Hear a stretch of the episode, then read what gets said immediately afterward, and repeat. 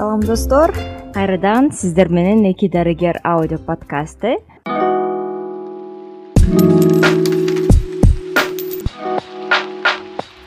Бүгүнкү биздин эпизодубуз гастрит деген оорулар боюнча болот. Аны бизге жакшылап түшүндүрүп айтып берген биздин врач дарыгер э, гастроэнтеролог гүл райхан акбарова саламатсызбы?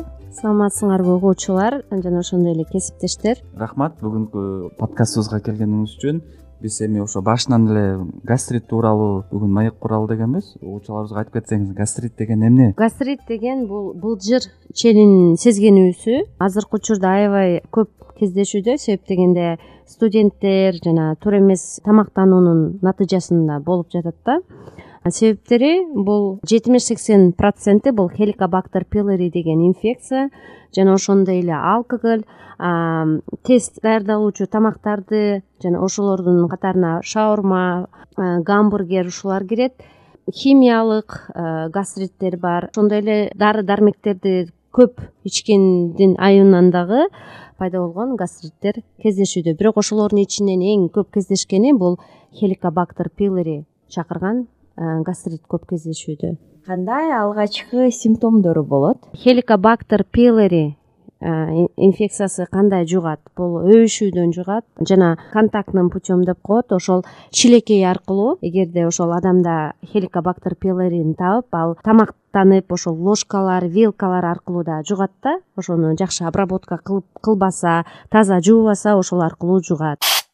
Алгачкы себептери болуп бул тамактангандан кийин ашказандын дүмпүйүп калышы көп убакытка чейин э, тамак сиңбеши жана ошондой эле ошол э, эпигастрий деп коебуз ашказандын областин ошол жакта оорушу зарна болушу кус кусу келүүсү жүрөк айлануусу табиттин аппетиттин төмөндөшү ушул алгачкы симптомдор болот да. Чоң рахмат. Бул жанагы студенттик дагы гастрит деп кээде айтып кетебиз э ошол көпчүлүктүн мындай түшүнүгү бар да. Эгер гастрит менен ооруп калдым десе анда дарылабай эле жөн эле жүрө бериш керек экен деген түшүнүктөр бар. Ошону сиз дагы дарыгер катары айтып кетсеңиз эгер гастрит деген диагноз койсо сөзсүз түрдө дарылаш керекпи? Сиз айткандай эрмек студент деп айттыңыз да если ошо мисалга алып студенттерди айтып берсем эгер ошол диагностикалык жактан тастыкталса ошол эндоскопический коюлса гастрит деп э, гипертрофический или поверхностный деп гастрит коюлса сөзсүз түрдө лечение кылыш керек дарыланыш керек. Себеп дегенде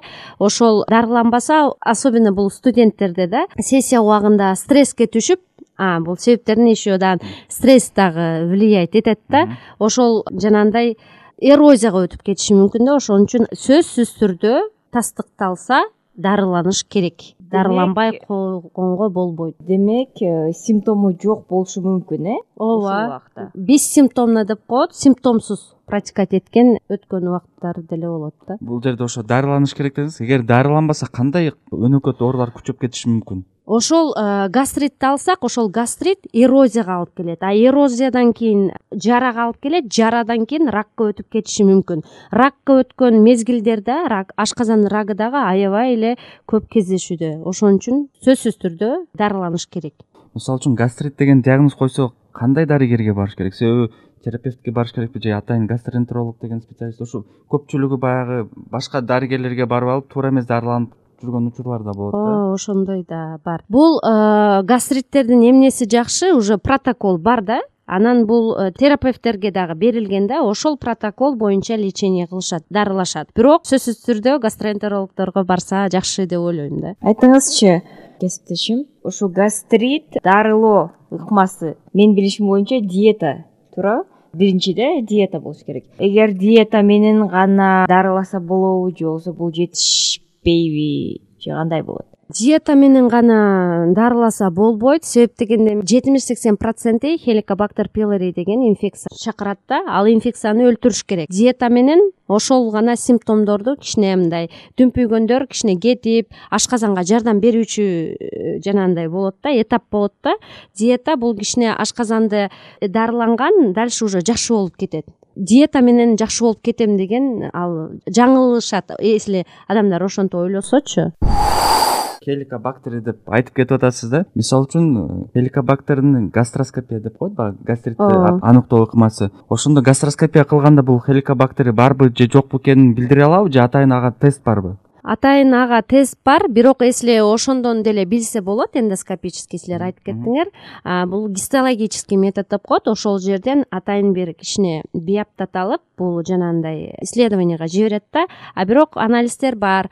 Антитела хеликобактер пилори деп коет. Ошону обязательно тапшырыш керек болот. Сөзсүз түрдө эгерде эндоскопический гастрит чыкса. Ошо антителаларды кан аркылуу тапшырат э? Ооба кан аркылуу Э, тапшырат. бул жерде дагы эмне үчүн бул суроону бердим? Себеби кээ биркилер баягы гастроскопияга барганда хеликобактерини э, текшересизби же текшербейсизби деген дарыгерлер суроо берет да аны билбегендер мисалы үчүн анын жок кереги жок деп эле гастрит барбы же жокпу деп эле кетип калышат. Ошондуктан бул хеликобактерини тапшыруу абдан маанилүү экенин ооба сөзсүз түрдө э, ошол атайын мастрих деген мастрих беш деген э, протоколубуз бар. Ошого карап жанагындай дарылайбыз да. Ошого биринчи көрсөткүчтөрдөн бири болуп бул эндоскопия анан экинчи бул ошол ошол гастритти кайсыл э, себеби кайсыл экенин билишибиз керек. Ошого карап дарылануу кетет да.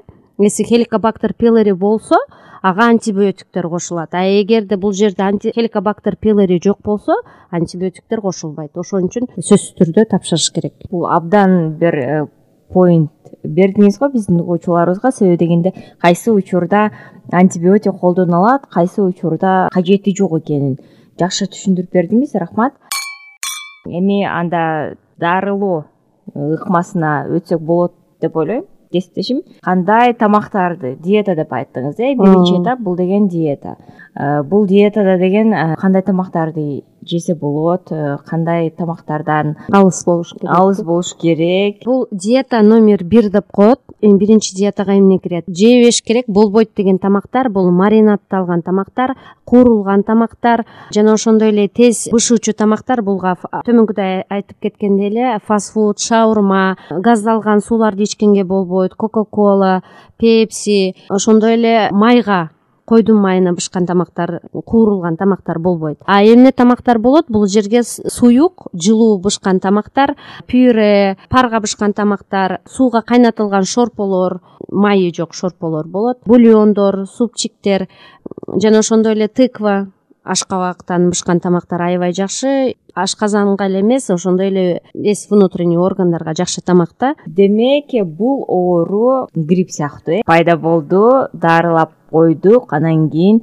жыйынтыгында жакшы экен да өнөкөт эмес. Жок өнөкөткө өтөт. Бул курч жана өнөкөт болуп бөлүнөт. Курч гастрит качан пайда болот? Бул жана аракты алкоголдук э, ичимдиктерди аябай көп ичкенде ошол былжыр челине сезгенип калат дагы ошол э, курч гастритке алып келет. Жана ошондой эле химиялык уулануу деп коет э. Жана ууксуз жана кокустуктан ичип алса ушулар дагы алып келет. Анан дары дармектер жана мен уже айтып кеттим буларга аспирин анан оорунду ооруну басуучу дары дармектерди ичкенде ушулар курч ооруна алып келет. Чоң рахмат жообуңузга ушул жерде дагы бир суроо берип кетейин дедим. Себеби кээ бирки бейтаптар гастриттен дарыланып алып э оорубайм деген дагы түшүнүктөр болот ооба кайра оорушу мүмкүн кайра ооруйт да туурабы ооба кайра ооруп калышы мүмкүн. Эми баарыбыз да эгерде үй бүлөдө бирөөсүндө хеликобактер пилори чыкса бул семейный оору деп коет да анда баарына жугат. Айтып кеткендей эле өбүшүү аркылуу жугат. Эгерде аялында чыкса анда күйөөсүнө да өбүшүү аркылуу жугат. Анан соответственно күйөөсү дагы балдарын жуктуруп коюшу мүмкүн. Ошол жанагы посудалар аркылуу да. Ошон үчүн баарын лечение кылыш керек полностью. Ошондо дальше жукпайт бул жерде жаштарга дагы айтып коюшубуз керек экен да. Гастритиң барбы же жокпу деп сурап койдукчу ооба биз да ошентчүбүз анан ушул боюнча э, мисалы үчүн гастроскопия деп айтып кеттик. Бул баягы гастрит барбы же жокпу аныктоонун бир ыкмасы депчи. Ошону кандай ар жылы бир жолу бир жылда бир жолу сөзсүз түрдө өтүп туруш керекпи же көрсөтмөсү боюнча гана текшерип туруш керек бизде негизи жанагындай жалдырап кээ бир больнойлорго жалдырайсың да өтүп кой пожалуйста ушуну өт анан мен сага лечение жазып берем деп. Анан көп случайда жөн эле мен сага айтып атам го жалптарымды ошого карап эле жазып берип койчу деп ушундай көп болот да. Мен мурун былтыр өткөм э, эки жыл мурун өткөм төрт жыл мурун өткөм ошондо гастрит болчу ошондой эле болуш керек деп. Ошондой адамдарга кайрылып кетем анткен болбойт. Сөзсүз түрдө сөзсүз түрдө бир жылда бир э, профилактикалык түрдө эндоскопия өтүп коюш керек. Японияда дагы ошо рак желудка деп аябай көбөйүп кеткен да анан кийин алар деген э, сөзсүз түрдө ар бир э, жаран япониянын жараны гастроскопия өтүш керек деп ошондой шарт коюп койушкан да. Ансыз жумушка албайт же болбосо жумуштан куулап кетет деген бир протокол чыккан алардачы.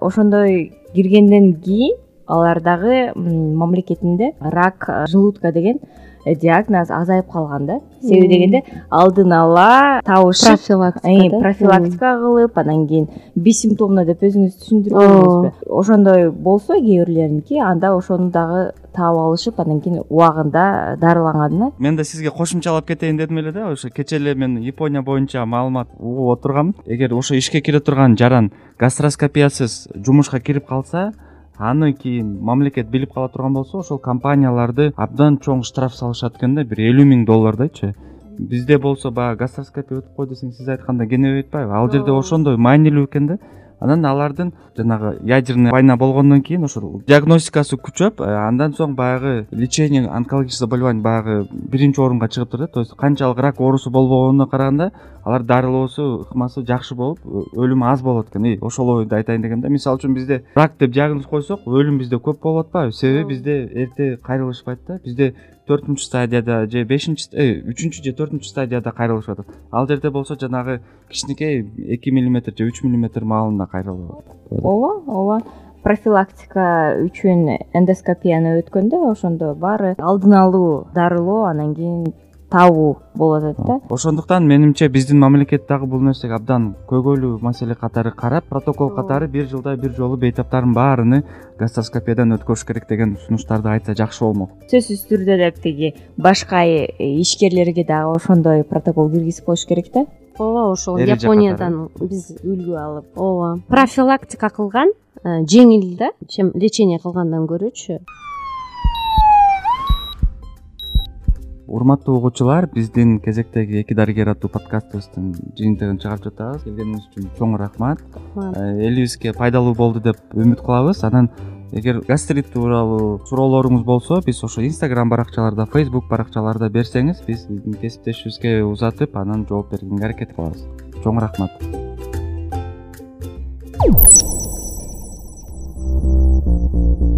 Бул подкаст iwprдын борбордук азияда жаңы медиалардын жана санарип журналистиканын өнүктүрүү аттуу долбоорунун алкагында ишке ашырылды.